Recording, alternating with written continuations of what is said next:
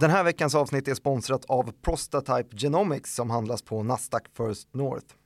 Jag intervjuade bolagets vd Fredrik Persson häromveckan och eh, det här bolaget har en färdig och verifierad produkt för att på ett enklare och träffsäkrare sätt än dagens metoder diagnostisera prostatacancer. Det finns en stor marknad och ett stort kliniskt behov för en sån här produkt och eh, Prostatype Genomics är redo för att lansera brett och eh, därför tar man nu in pengar i en emissionsrunda. Vill man lära sig mer så kan man se min intervju på direktstudios.se eller läsa mer på deras hemsida prostatypegenomics.com. Teckningsperioden löper mellan 6 och 20 juli. Vi säger tack till Prostatype Genomics.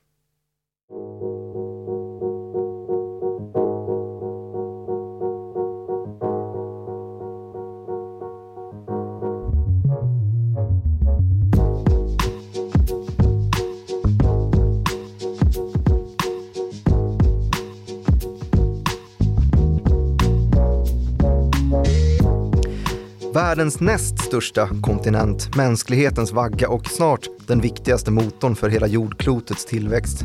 Det finns många sätt och bakomliggande skäl till att prata om det vi ska prata om i årets sommarserie. Det ska handla om Afrika, kontinenten som bär på en framtid som inte bara är dess egen utan också hela världens.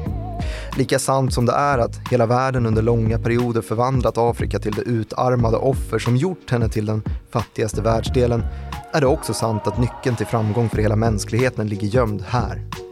Det är en nyckel som vi nämligen måste använda för att låsa upp framtidens ekonomi som ska möjliggöra fortsatt teknisk landvinning, automatisering och grön energi som kräver resurser som bara finns i tillräcklig omfattning i detta Afrika. I en flerdelad serie bjuder därför vi, som är programledare Martin Nilsson och utrikesredaktör Joakim Rönning, in er lyssnare till en upptäcktsfärd genom denna gigantiska kontinent. Det blir en resa som tar sin början i de första människorna, via Nordafrikas urgamla civilisationer och egyptiska faraoner, via den arabiska expansionismen, in i det koloniala mörkret i Kongos djungler och ut igen i frihetskampen, slaget mellan demokratiförkämpar och militärdiktatorer och vidare mot en nutid som snart ska bli till en framtid som bara måste bli Afrikas. I avsnitt två av denna sommarserie tar vi oss in i norra Afrika. Den sammantaget rikaste delen av kontinenten som också har en lika mystisk och kulturell historia som lovande framtid. Kan det faktum att de kraftigt råvaruberoende ekonomierna nu njuter frukterna av de höga oljepriserna och att det blir startskottet på en ny vår för regionen. Och är det så att det i nuläget lilla råvarulandet Marocko är på väg att bli jordens viktigaste land genom den livsmedelsförsörjning som måste fortsätta för att inte hela världen ska drabbas av en svältkatastrof som sprider sig från Afrika och ut i hela världen. Ja, Ja, nu är vi här nu är vi här. i Nordafrika. Var ligger det? Det är i norra Afrika. Just det. Och här kan man inte vara utan att prata ganska mycket historia. vilket Jag Nej, vet att du gillar. det gör jag. Mm. Kan vi börja med att fråga vilka länder som räk- räknas in här kanske? Ja, det var det jag tänkte med. Var, var ligger det? Mm. Jaha, okej. Ja, det är då om vi rör oss norrifrån och börjar i Spanien av senare förklarliga skäl. Mhm. Så har vi ju då Gibraltarsund som ju skiljer Europa och Afrika åt. Mm. Och om vi åker över Gibraltarsund så möter vi Marocko. Mm. Därefter om vi reser österut så får vi ju Algeriet, tar en sväng genom Tunisien. Vi åker igenom Libyen innan vi hamnar i Egypten och så brukar man också räkna in Röda havet som norra Afrika, alltså skiljevattnet då mellan Afrika och Arabhalvön som eh, norra Afrika. Och då även Sudan som ju numera är uppdelat i Sudan och Sydsudan. Just det. Och det här är ju då områden som har levt i civilisation, eller där det har funnits folk som har levt i civilisation sedan åtminstone 100 000 år tillbaka i tiden. Och hur kommer det sig att vi delar upp det i Nordafrika och övriga Afrika i sommarserien? Det är ju då att det här är civilisationer som har utvecklats utan någon egentligen kontakt med varandra. På den här tiden då, fornhistorisk tid. Men att det finns då livkraftiga civilisationer på båda sidor om Sahara som det ju handlar om det här. För det är ju Sahara som är den stora avskiljaren Mellan nord och...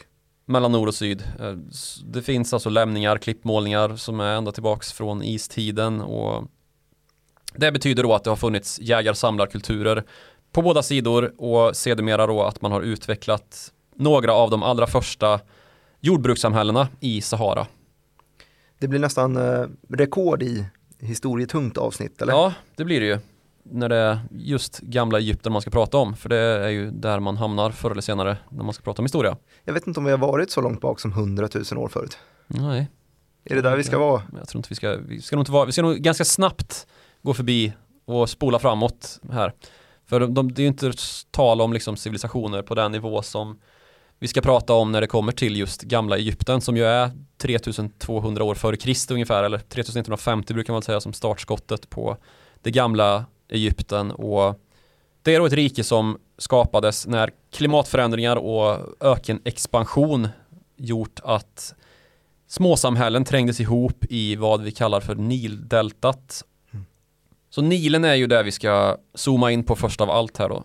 Eftersom att det ger all näring till den här regionen och själva orsaken till att några av de första civilisationerna skapades just här då. Nu eftersom att jag har skyltat med min okunskap om var norra Afrika ligger så har vi ju först och främst gått igenom i öst-västlig riktning länderna som ligger i norra Afrika. Eller alltså- västöstlig riktning. Eller västöstlig, ja. beror på hur man vill. Eftersom att det börjar i Marocko så får vi ändå säga. Just det. Om vi ska ta det i relation med Nildeltat så vet jag ju att den går i en sydnordlig riktning. Och det är ju andra ledden. Ja, precis. Det, det här, Nilen rinner ju inte igenom alla de här länderna. Det är väl just Egypten kanske? Ja, precis. Och Sudan också. Mm. Men floden i sig sträcker sig det är väl i sig vita Nilen som går hela vägen ner till dess källa i Tanzania, Victoriasjön. Mm. Och sen så rinner då floden norrut mot Medelhavet då, precis genom Sudan och Egypten ju. Och sen precis innan då den rinner ut i Medelhavet så bildas det här triangulära deltat som förser öknen med vattenresurser nog att liksom odla upp öknen och skapa en över hundra mil lång jättebördig oas då i den här öknen. Och det är också en grundförutsättning som alltid har varit gällande för Nilen och området intill Nilen. Om man tar en karta och zoomar in på Egypten och, och just Nilens stränder så ser man att det är väldigt grönt intill floden och alltså en just oas mitt i den stora Saharaöknen som dominerar landskapet i övrigt. Det har ju varit väldigt talande för Egypten och min kunskap är specificerad här just för att vi har snackat om en eh, råvarubrist tidigare. Just ja, livsmedel i samband med Ukraina-kriget. När mm. Ryssland invaderade så drabbades ju såklart exporten och ett av de länderna som drabbades hårdast var just Egypten eftersom att de inte hade möjligheten att odla på eget land. Nej, precis. Det har ju, vi pratade om befolkningsexplosionen i det inledande avsnittet och Egypten är ju en del av detta och har ju dessutom då en odlingsbar markyta som är ungefär lika stor som Småland samtidigt som befolkningen är väl typ, vad är den, 100 miljoner? Typ. Um, och det säger sig ju självt då att Småland kan inte försörja 100 miljoner människor. Så då får man ju importera grödor istället då för att befolkningen ska kunna äta sig mätt. Och det här är ju ett stort problem då i Egypten idag, men det var det absolut inte tidigare utan tvärtom då. Att Nilen har ju varit möjliggöraren för tidiga högkulturerna i, genom då att Nildeltat framförallt men även Nilen i sin helhet har svämmat över år efter år och med det då fört med sig ett näringsrikt slam ut i öknen och bildat då en bördig jord som, som har kunnat odlas varje år och så har befolkningstillväxten kunnat ta fart. Sen så är ju Nilen också en, en vattenväg som har kunnat användas som just det då för människor att de gammel egyptiska faraonernas administratörer har kunnat liksom resa i riket och att en makt har kunnat kontrollera landet och säkerställa att skatter har tagits ut och att byteshandel har kunnat äga rum. För det var ju först och främst byteshandel som gällde för så här lång tid sedan där säd just var en av de viktigaste handelsvarorna som, som nyttjades för att betala skatt så var det ju även på våra breddgrader en gång i tiden att man fick betala i form av de eh, lantbruksprodukter som man lyckades framställa då. Så det var inte enbart det att man, man kunde odla i området utan att man möjliggjorde en statsapparat som fungerade. ja, precis. Grad. Alltså varje år så skedde en analys av årets översvämning då av Nilen, för den var ju olika från år till år. Och så bestämde man hur hög skatten skulle bli just det här året och alltså hur mycket av säden som skulle tillfalla staten. Och så använde staten därefter säden till att betala de som anställdes till staten. För det var ju inte så att man odlade hela tiden eller skördade hela tiden utan det fanns ju också en period av året när själva översvämningen ägde rum. Då kunde då förvaltningen använda de människor som andra delar av året odlade till att ja, men jobba för staten då. Bland annat för att sköta förvaltningen och uppföra de offentliga byggnader som Egypten ju ännu i våra dagar är världsberömda för. Alltså pyramider och sfinxer och allt vad det är som liksom skulle fungera som gravar för faraonerna. Eller som under det nya riket, alltså senare då, ungefär 1500 f.Kr. blev urhuggna bergsgrottor där kungar skulle begravas. Och det här innebar ju dessutom ganska ofta en återföring av kapital då kan man säga genom att de bönder som producerat säd under den odlingsbara tredjedelen av året därefter arbetade för staten då. Och situationen var ju likadan då för jägare, fiskare och timmermän och keramiker och dylikt att man, man jobbade säsongsvis nästan. Och en viss del av lönen kunde man sedan kvittera ut då i form av säd och så kunde man eh, även byta mot en del andra varor. Så, så säd var ju ganska jämförbart med pengar kan man säga. Även om det i stort handlade om just byteshandel då. Mm. Och att man ibland fick överskott av just säd eller något annat som man kanske var tillverkare själv av och då kunde ägna sig åt handel och då var ju Nilen där för att liksom tillse den handel som kunde utföras och så hade man särskilda handelsmän som for upp och ner i sina båtar och kunde agera utförare av byteshandeln. Och varför börjar vi berätta historien om Nordafrika här? Därför att det var här den allra första högkulturen i området uppstod då, eller den, den mest livskraftiga högkulturen uppstod. Och att Nilen då var så, så extremt väsentlig för detta och anledningen till att Egypten heter just Egypten är att grekerna kallade Nilen för Aegyptos. Så det är därifrån, alltså Egypten är ekvivalent med Nilen ungefär. Och i en högkultur så, så har man alltså etablerat den här administrationen och dessutom kommit fram till en massa seder och bruk som har varit högst väsentliga för att skapa en modern stat då, som i många fall går att kalla modern även idag. Men först och främst så lyckades man ju styra den här statliga byråkratin i ett skriftspråk och kommunicera med varandra på ett vid den här tiden magiskt sätt att skriva ner någonting och sen så lämna för eftervärlden eller skicka vidare liksom i historien via den stora uppfinningen hieroglyfer. Mm. Alltså 800 olika bildligt utförda bokstäver som, som var det skriftspråk som hade utvecklats och som blev liksom hela Egyptens ryggrad som man kunde arkivera och alla skriftlärda blev ju högt aktade och man kunde också föra vidare ett religiöst mäktigt styre, expandera det till nya områden med tempel som hade i sig då en egen administration och här ser vi ju liksom lite grann av en föregångare till hur tempelväsenden har växt fram i övriga delar av världen med ja, men våra moderna kyrkosystem också ju som separerade från staten. Så var det alltså även i Egypten. Och mycket av det här med det forntida Egypten är ju ganska så dolt i ett mystiskt skimmer. Det är svårt att reda ut hur de gjorde en del saker. De tycks ha suttit på någon hemlig, nästan gudomlig kunskap som vi fortfarande inte kan replikera eller kopiera. Alltså man har utfört en del byggnadsverk och Underverk brukar det kallas va? Ja, underverken dels men också då att man har skapat artefakter eller liksom konstgjorda föremål som vi fortfarande än idag inte kan klura ut hur de egentligen bar sig åt med alltså våra moderna verktyg idag då. Mm. Det stod inte nedskrivet i arkiven? Nej, inte så att man har kunnat klura ut det hittills i alla fall. Mm. Och sen så är det uppenbart också att religionen härifrån har haft en påverkan på framförallt kristendomen.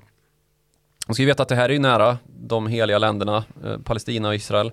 Och där Jesus bodde. Han var ju till och med en flykting som fick bege sig till Egypten i unga år och om den tiden vet vi väldigt lite. Platon har pratat mycket om Egypten och att det kom mycket kunskap därifrån som var just mystisk och nästan magisk. Och det går ju att skriva under på bara genom att titta på de här pyramiderna och allt det sjuka som de lyckades åstadkomma med den tidens tekniska redskap. Men sen också rent statsadministrativt och kulturellt så fanns det en modernitet i det gamla Egypten som vi i viss mån kan se upp till även idag då i vår moderna kontext. Och till exempel en mycket högre ställning och status för kvinnor i Egypten än de flesta civilisationer har haft. Kulturen byggde på en liksom, fokus på jämvikt och harmoni. Kvinnor fick arbeta från liksom, tjänarinna till överstepräst och ända upp till statsförvaltningens högsta liksom, statsminister nästan. Och dessutom till samma lön, det var inget konstigt med det. Det fanns ju till och med fem stycken kvinnoregenter, alltså faraoner i Egyptens historia. Skilsmässor var av allt att döma inte något som liksom sågs ner på. Söner och döttrar ärvde solidariskt och vid giftermål där kvinnans familj, alltså den tilltänkta fruns då, hade en högre social status än mannens så fick mannen foga sig och flytta in hos kvinnan. Det finns uppenbara likheter då mellan Isis, den egyptiska guden och eh, jungfru Maria. Många bilder på Isis då som har Horus som alltså är faraos inkarnation. Det varje farao som föds blir till den levande Horus i det gamla Egypten och bilderna på Isis med Horus i sin famn är ju mycket lika de som sedermera kom att bli Jungfru Maria och Jesusbarnet. Så det är väl där det börjar egentligen men som sagt även då att Jesus själv var flykting i Egypten under sina tidigaste år. Det var ju när Herodos bestämde sig för att mörda alla pojkar under två år och Josef och Maria fick fly med honom till Egypten då för att undkomma men när vi är inne på tidsbeskrivningen om, om Jesus och, och, Maria och Josef, eh, det är väl ungefär i närtid till när eh, romare och greker skulle in och härja i regionen också. Ja, kan man säga. Det vet ju alla som har läst sin bibel att Jesus dömdes till döden av Pontius Pilatus som ju var en romersk ståthållare i Jerusalem ju. Så vid den tiden, alltså några tiotals år efter Kristi födelse, alltså några tiotals år in på vår tidräkning. Jag brukar säga att Jesus föddes sju år före Kristus, vilket är lite märkligt, men eh, det ser ut att ha fallit sig så att någon som har räknat fel i början. Mm. Så besatts alltså landet strax norr om Egypten, alltså av romare. Och det har ju funnits gott om influenser och kolonisation i den här regionen i många herrans år. Kleopatra var älskare till Julius Caesar som ju var romersk diktator och kejsare. Eh, hon blev ju också Egyptens sista farao så det var ju verkligen i brytpunkten. Men den romerska, den romerska influensen var ju inte evig utan som sagt både greker och vandaler och till sist då som vi ska komma in på araber började ju härja genom hela Nordafrika och därigenom så kom man ju ta makten hela vägen upp i Iberiska halvön.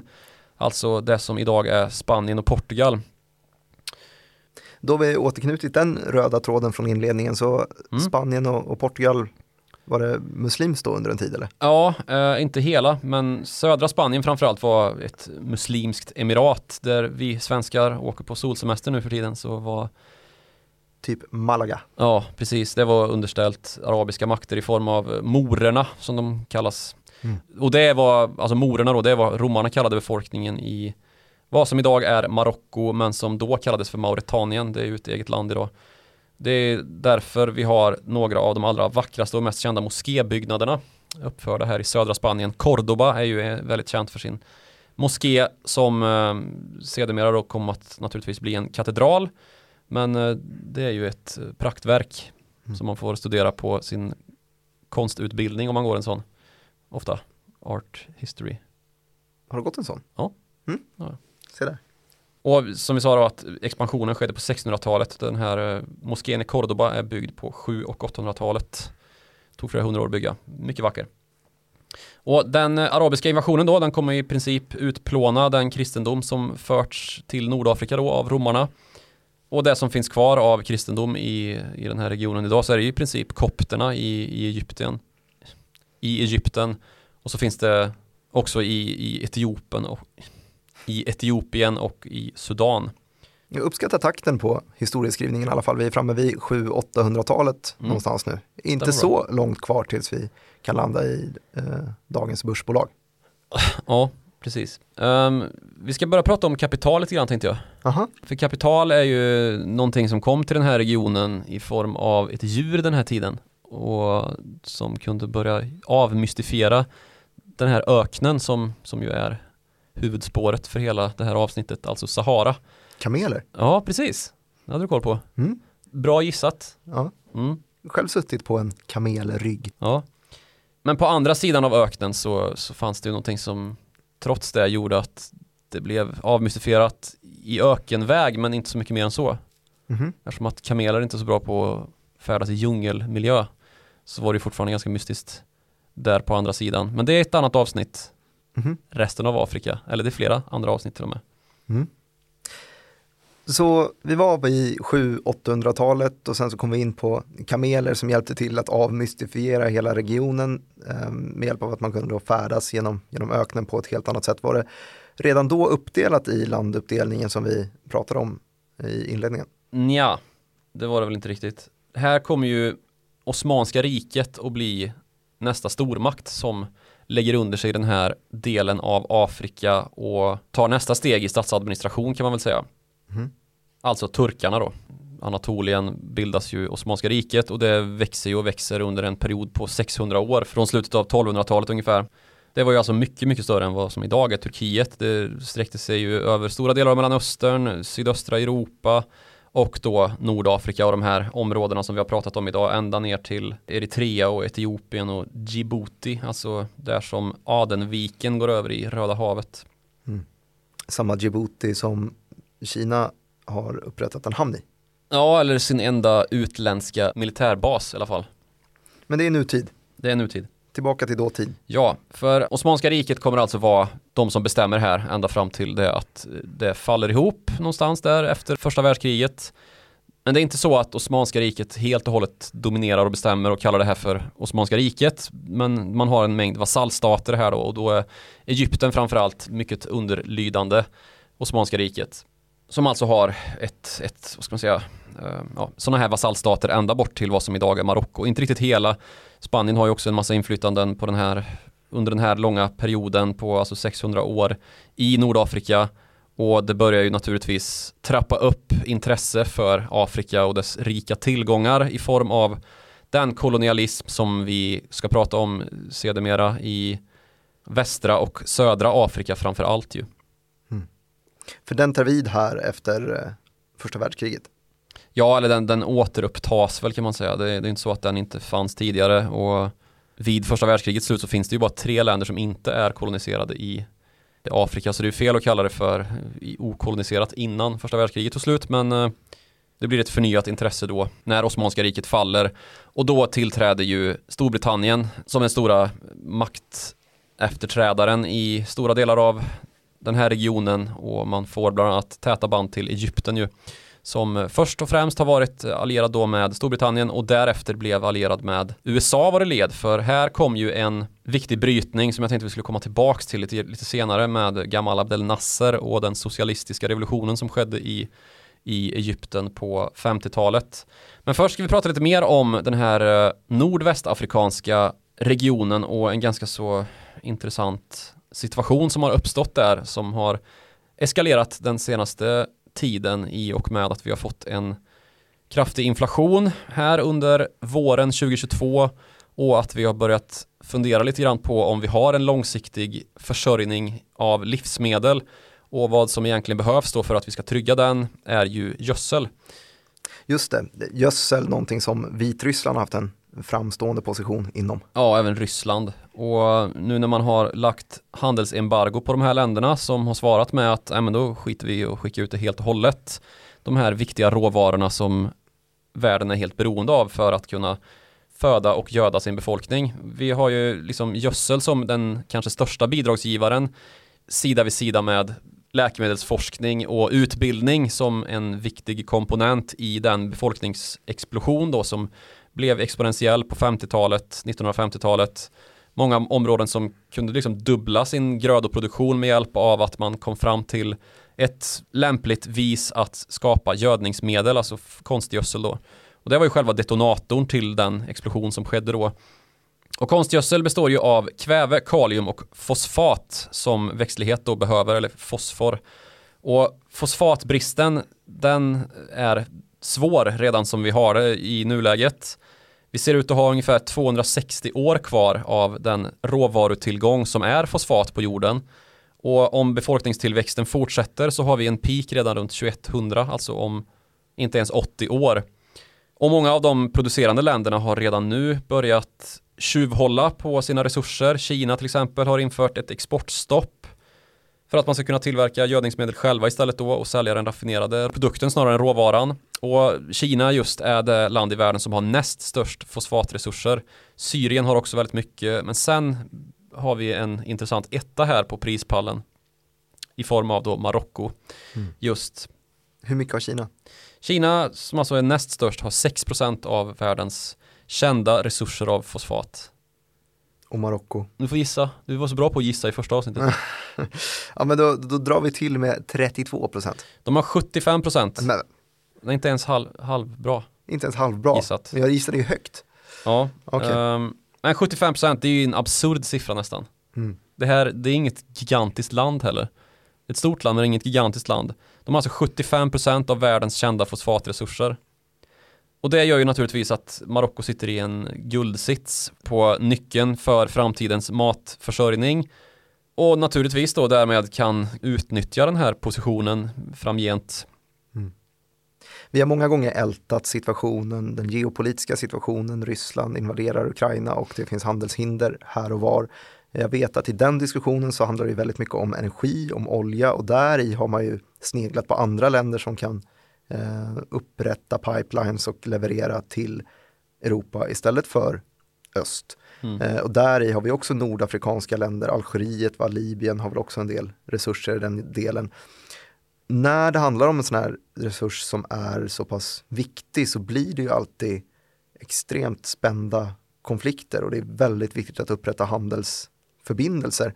Eh, vad, är- vad är risken här vad gäller Marockos fosfatresurser? Finns det någon, eh, någon handelskonflikt där redan nu? Ja, det finns det. Eh, Men vi kan ju börja med liksom en liten perspektivgivare. Alltså Marocko har 75% av alla fosfatreserver. OPEC, oljekartellen som sammanför världens oljeländer och skurkstater, alltså de länder som eh, vid en tidpunkt var utvecklingsländer och som bestämde sig för att nej, nu ska vi ha mer att säga till om i oljemarknaden än vad de västerländska makterna har genom sina stora oljebolag som köper upp våra oljefält och sen ja, drar upp oljan och säljer den till en marginal som är helt hutlös samtidigt som vi själva sitter med blott den initiala försäljningsvinsten av den här tillgången. Så sitter alltså OPEC som ju styr oljepriset helt självmant idag på 80% av världens oljereserver. Och här snackar vi ju ett konsortium av ganska många länder. Ja, precis. Och situationen är lik som den är med olja idag. Det ser vi på världsekonomin och finansmarknaderna varje dag nu att vi klarar oss inte utan olja. Så är det även med fosfor eller fosfat. Vi klarar oss inte utan det. Dels för att befolkningsökningen skulle avta och dels för att den befolkning vi redan har på jorden som vi har fått då med hjälp av konstgödsel bland annat skulle ju få gå hungrig. Vi skulle få matprisinflation som skulle få dagens nivåer att framstå som en lätt bris. Sen ska vi säga att det här liksom, det utgår ifrån vad vi vet idag och alltså var vi vet att det finns fosfat idag. Så det kan ju vara så att det finns oupptäckta tillgångar och att framtida tekniker att utvinna fosfat kanske där det ligger mindre tätpackat än i Marocko precis som man har liksom upptäckt Skifferolja i USA. precis och kunnat utvinna med fracking och så vidare. Men vi vet i alla fall att vi kan inte tillverka fosfat utifrån andra ämnen och olikt kväve då som ju utvinns för konstgödsel genom den så kallade Haber-metoden från atmosfären där kväve ju utgör ungefär 80% så vet vi att det, det kommer aldrig finnas en Haber-metod för att utvinna fosfor då. Så fosfor är och förblir en ändlig resurs precis som olja och det var just det här, alltså den som jag nämnde Haber-processen som gjorde att vi började gräva efter fosfat då. För att konstgödsel behöver det och plötsligt när vi med enkelhet kunde ta fram kväve så behövdes det också fosfat då för att producera de här mängderna med konstgödsel och göda fram mat åt den växande befolkningen. Så idag så finns det inget substitut till fosfat, alltså konstgödslet för lantbruket. Så vi behöver egentligen inte gå längre än så för att förklara vilken geopolitisk ställning plötsligt Marocko har fått här Mm. i helt skymundan i uh, världsgeopolitiken. Och när vi skulle prata om konflikter som du var inne lite grann på att eh, det ju ofta blåser upp till sådan när det är något land som får stor tillgång till en viktig råvara så, så är det naturligtvis likadant i Marocko. För där har vi ju den pågående konflikten Västsahara som försöker bryta sig ut. Det här är ju gamla spanska kolonier och i Västsahara finns det också stora reserver då. Och eftersom att det är en uppblossad konflikt redan så kan vi bara utgå från att den konkurrenssituation som skulle uppstå då om Västsahara bröt sig loss och eh, blev ett eget land, alltså den konkurrenssituation som skulle uppstå mellan fosfatexportörer i Västsahara kontra exportörer i Marocko skulle ju bli mördande och den skulle kosta på för båda sidor. När priset skulle gå ner och man skulle massproducera så skulle ju det här i princip leda till att man tömde reserverna snabbare än man hade behövt och till ett lägre pris då än om man varit en gemensam spelare som sålde under marockansk flagg. Så Marocko skulle ju utifrån att man eh, lyckas hålla fast då vid Västsahara kunna bli till en arabhalvö för sina fosfattillgångar. Och det är redan så att det finns projekt då om att bygga skyskrapor och liksom skapa ett nytt Dubai eller Qatar här utifrån då att man ser en kraftig prisuppgång på fosfat och att man kommer sitta på en monopollik situation här. Mm. Låter som en grogrund för råvaruförbannelse. Ja, verkligen. Och det finns ingen ambition att utnyttja resurserna själva i ett eget utvecklat jordbrukssamhälle? Alltså det, lantbruket är inte så undermåligt i Marocko. Det, finns, det är ju ett medelhavsklimat här. Så både Tunisien som närliggande och eh, Marocko har ju, liksom även Algeriet, en del lantbruk. Men det är ju ett problem som har med vatten att göra. Att man inte kan ha ett större lantbruk ändå då och odla upp större delar av öknen. Och precis som i fråga om Nilen då där man har skapat fördämningar, de största projekten som genomfördes i infrastrukturell form i Nordafrika, eller det största projektet under 1900-talet, där man då fördämde Nilen för att möjliggöra då konstbevattning ute i öknen. Det är, det är i stort fallerade projekt som har lett till stora utmaningar för ekologin då i Nilen i det att det här viktiga bottenslammet det liksom fastnar i dammen. Det hänger inte med ut i den konstbevattning så det blir inte lika näringsrikt. Och man kan ju dra en liknande parallell då i Marocko att det helt enkelt saknas vatten i det stora hela. Det är ju en öken och den fosfat som finns här kommer helt enkelt inte till nytta som ett gödningsämne då. Det gör det däremot på en, i en lite globalare kontext, vilket man upptäckte här för inte så jättelänge sedan. Mm. Och det är då att den här fosfattillgången som finns i Sahara med särskild densitet i Marocko då, det är, det är ju en lämning av att Sahara en gång i tiden var en sjö, en stor sjö i princip. Och det faktum att det finns då gamla algavlämningar gör då att den här fosfatberikningen av sanden har kommit till. Och sådana här sandstormar som kommer från Sahara, de är ju intressanta. Det kan vi få ända hit upp ibland. Mm. Och lika långt är det ju till Amazonas, som ju är ett ganska bördigt klimat. Mm. Så Amazonas göds alltså av vindar med fosfor som rörs upp i Sahara och sprids liksom med vind över Atlanten hela vägen och försörjer skövlande Brasilien. Ja, precis. Förs försörjer skogsskövlande Jair Bolsonaros ekonomi i Brasilien, ja precis. Det finns filmer som har skapats med hjälp av LIDAR-teknologi som NASA har använt sig av då för att visa hur den här ökenvinden faktiskt löper över Atlanten och faller ner då som regn över Amazonas och även andra delar av världen men framförallt i Amazonas och att regnskogen där som ju är en av världens mest närings och resursrika skogar inte överhuvudtaget hade varit möjlig utan att man hade fått ett tillskott då från världens påvraste största öken som ju är typ utan liv. Mm. Lite poetiskt ändå. Mm.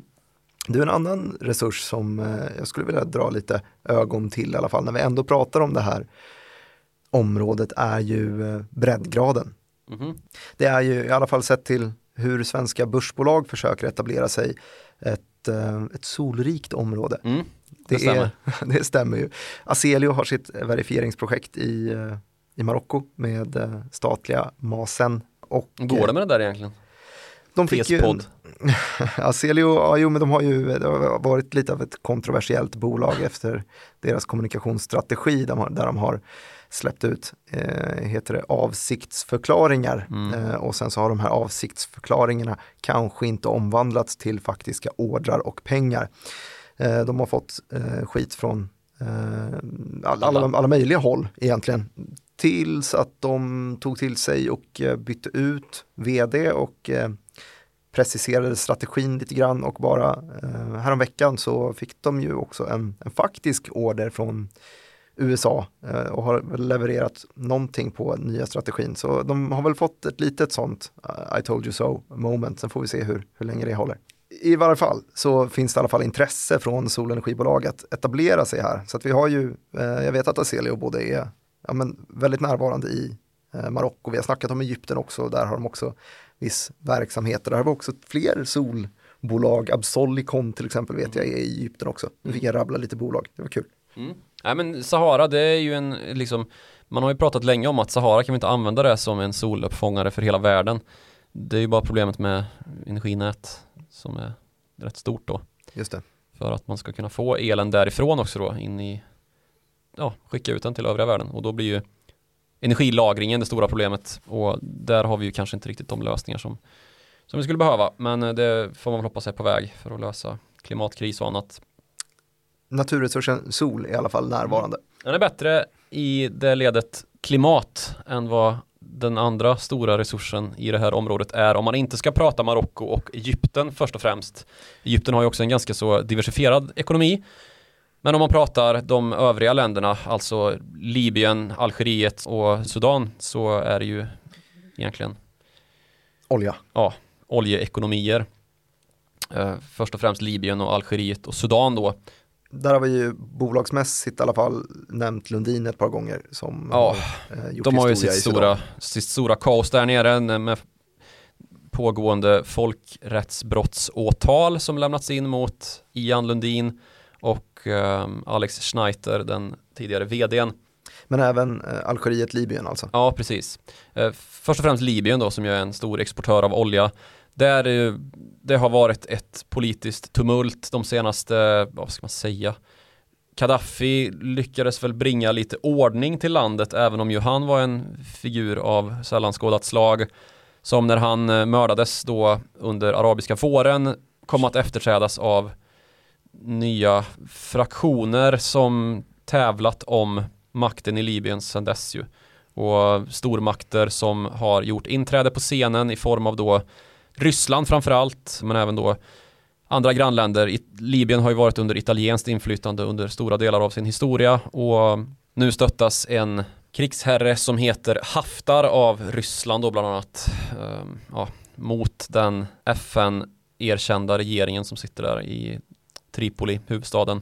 Mm. Så här är det ett stort kaos och många hoppas väl på att den ryska krigsinsatsen i Ukraina ska få Ryssland att lite grann tvingas dra sig tillbaka då från Afrika för att det inte ska röra upp för mycket ökendamm så att det kan bli någon lugn och ro för den FN-stödda regeringen då.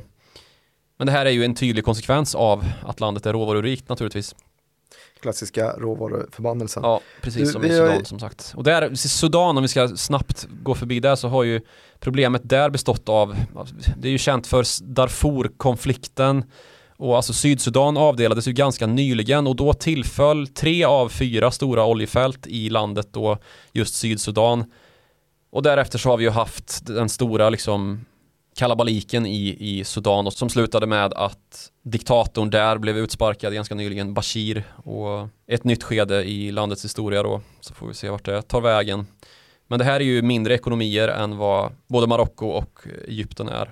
Som är de mer ordnade i nuläget. Ja, det får man ju ändå säga. Tunisien blev ju också lite bättre ordnad i samband med då att ja, arabiska våren var ju tog ju sin början här och Tunisien brukar ju också sägas vara det enda landet som faktiskt fick någon sorts demokratisering av arabiska våren. Det har ju också varit demokrativindar i den övriga regionen här men ja, det har väl varit på tillbakagång framförallt kanske i Marocko och inte minst då i just Egypten som jag tänkte vi skulle komma tillbaks till för att så småningom kunna runda av det här. Mm. För vi avslutade ju Egypten-äventyret någonstans där när Osmanska riket hade fallit och britterna hade fått inflytandet. Och detta inflytande kom då att sedermera övergå i socialistisk form under kalla kriget. Då genom att eh, Gamal Abdel Nasser stöpte den socialistiska revolutionen i eh, Egypten och möjliggjorde lite grann av en, en revansch då mot kolonialismen i Nordafrika genom att försöka sammanföra de arabiska folken. Han skapade en union med Syrien, tog tillbaka Suezkanalen, sparkade ut britterna verkligen, vilket ju skapade en mängd oroligheter där stormakterna bytte allianser lite omlott och det utlöstes krig med Israel. Och Nassers stjärna skulle komma att dala då i samband med att sex, det så kallade sexdagarskriget förlorades och blev ett stort, ett stort, stort fiasko för Egypten då. Vilket år är vi inne på nu? Det, Nasser dog 1970 och till hans efterträde blev då Anwar Sadat inträdande på scenen. Och med det följde nya krig. Um, Israel och Egypten började ånyo träta om Sinai-halvön som skulle komma och återlämnas till Egypten var det led. Och det här blev också då en vändpunkt för Egypten som vände från att ha varit som sagt en socialistisk lystrande till en socialistisk despot då i form av Nasser, så kan man, som man ska säga, för han har väldigt många följare som tyckte han var väldigt bra. Men socialist var han i alla fall och en stark man, så varför inte despot? Sadat vände det här förhållningssättet ryggen och gick istället med USA då. Och han blev den första arabiske ledare att skriva fredsavtal med Israel. Det är ju någonting som har blivit populärt i våra dagar däremot att göra. Mm. Eh, Förenade Arabemiraten bland annat som har skrivit ett fredsavtal med Israel och det har börjat upprättas kommunikationer och utbyten mellan då Israel och deras arabiska ärkefiender. Och i samband då med att, att Sadat bröt med Sovjetunionen så började man ju också titta då mer på en, på en amerikansk modell och försökte införa då en marknadsekonomi bort från det här som Nasser hade varit inne på att man skulle ha en väldigt starkt statligt styrd ekonomi. Men det här har ju, på tal om despotism, lett till korruption, att ett fåtal har berikat sig och att det i princip alltid har varit så att vicepresidenten tar över, precis som i fallet Sadat då. Sadat, när han mördades 1981, efterträddes av en herre som hette Hosni Mubarak. Och Hosni Mubarak minns vi ju alla som var uppmärksamma under just arabiska våren. För det var ju det som blev hans fall. Han var ju en av Nordafrikas äldsta diktatorer och hade härskat här i, i 30 år ungefär. Så där kan vi definitivt prata om en, en despot. Och under arabiska våren så pågick ju protesterna vid Tahrirtorget i Kairo och det skulle urarta då i den här rörelsen som kom att sätta Muslimska brödraskapet vid makten i form av då Mohammed Morsi innan han i sin tur vältes och ersattes av då Abdel Fattah al-Sisi. Och det här är ju gubbar som är despoter ja, i rakt nedstigande led får man ju säga. Och det har inte, det har liksom kanske bidragit till viss lugn och ordning i Egypten men det har ju knappast bidragit till att man får en långsiktig ekonomisk tillväxt, en eh, tillförlitlighet i fråga om att det finns en öppen marknad och att kapital söker sig dit. Det blev inte den demokratiseringsvåg som man hade hoppats på där under arabiska våren. Men däremot så har man ju livskraftig industri i det här landet. Det finns ju extremt många människor, det största landet i Nordafrika och många svenskar har ju också varit i Egypten som turister och det är en mycket stor del av den här ekonomin. Att man är så pass diversifierad är bland annat då i turism, att man har jordbruk som sysselsätter ungefär hälften av alla egyptier, ganska så liten skala oftast. Men så finns det också industri och en tilltagande techscen faktiskt. Egypten har ju ändå en av de lite mer välutvecklade börserna i området. Vad, vad utmärker de sig inom tech? Fintech. Och man kanske ska nyansera det här om att Egypten har svårt att locka till sig kapital. För det, det är ju på det sättet att man kanske inte förlägger liksom utveckling hit. Eh, däremot så kan man använda den egyptiska marknaden som ju är den största i både liksom Nordafrika och Mellanöstern i sin helhet med 100 miljoner med 100 miljoner i befolkningen till att testa olika saker. Och det görs då av både stora och små techbolag och kanske framförallt då inom fintech just på grund av då att det saknas i ganska så stor utsträckning bankkonton i befolkningen. Men däremot så har ju de flesta en mobiltelefon och det är ungefär en jämförbar situation då med vad man ser i Indien och Kina där det också är mycket ovanligare med bankkonton än vad det är här hos oss i västvärlden. Mm. Mm, jag vet att de också har en, en hyfsat utvecklad eh, bilindustri eller fordonsindustri i alla fall. Jag har intervjuat någon förvaltare som eh, intresserade sig för Egypten just och hade investerat i biltillverkare. Mm. Och på tal om det så kan man ju kanske knyta ihop det här med biometri, alltså att många av fintechbolagen använder sig av någon sorts biometrilösning, ett fingeravtryck eller ja, sådär för att ett ansiktsigenkänningssystem för att kunna försäkra sig om att det är rätt användare som försöker ta sig in på ett fintech-bankkonto. Precis som då biometrin har en naturlig roll att spela i smarta fordon, alltså förarassistanslösningar av olika slag. Jag vet till exempel att Smart Eye, som ju jobbar en del med sånt, alltså ögonrörelser för att läsa av om en förare är trött eller sådär. De har en förgrening i Egypten och använder sig av en, eh, en jag vet inte om är chefsforskare eller någonting som, som har en gren i Boston och en i Kairo. Intressant att du kastar in lite börsbolag här. Ja, men jag pratade med deras vd en gång och lite grann om det här egyptiska samarbetet som jag tyckte lät spännande. Mm. Och de, de förvärvade då ett bolag som hade huvudkontor i Boston men också ett kontor i Kairo då där grundaren är och verkar ifrån. Mm. Det känns väl som ett steg i helt rätt riktning. Egyptisk AI eftersom att de var så drillade på att skapa tekniska lösningar för typ 5000 år sedan redan. Mm. Ver- verkligen. Hjulet är väl säkert härifrån tänker jag. Säkert. Fokus verkar dock inte främst ligga på techutveckling utan snarare på sånt som terroristbekämpning å ena sidan och demokratibekämpning å andra sidan. Så att ja, det finns en del att stå i innan Egypten kan anses vara någon sorts industriell högkultur igen. Vad deppigt det lät. Men de är ju ändå liksom Donald Trump brukade ju kalla Al-Sisi, alltså den nuvarande diktatorn för hans favoritdiktator. Och de är, ja det är absurt också. Ja, Men han, de är ju då allierade med, med USA ändå. Um, och en, vad ska man säga, västvänlig makt i den här regionen som sagt. Mycket fokus på terrorbekämpning och att hålla Sina i halvön fri så att man kan ja, ha sin turism där snarare än terrorism. Mm. Och det finns väl hopp om att den här ekonomin kanske ska fortsätta diversifiera sig då och att vi får som sagt en uh, ny kanske uh, techutveckling också här. Som, Men det är ju något sätt som Egypten och Marocko utmärker sig eh, från övriga länder i Nordafrika som vi har pratat om idag. Just att de har hyfsat väldiversifierade ekonomier, intäkter från ganska många olika håll ändå.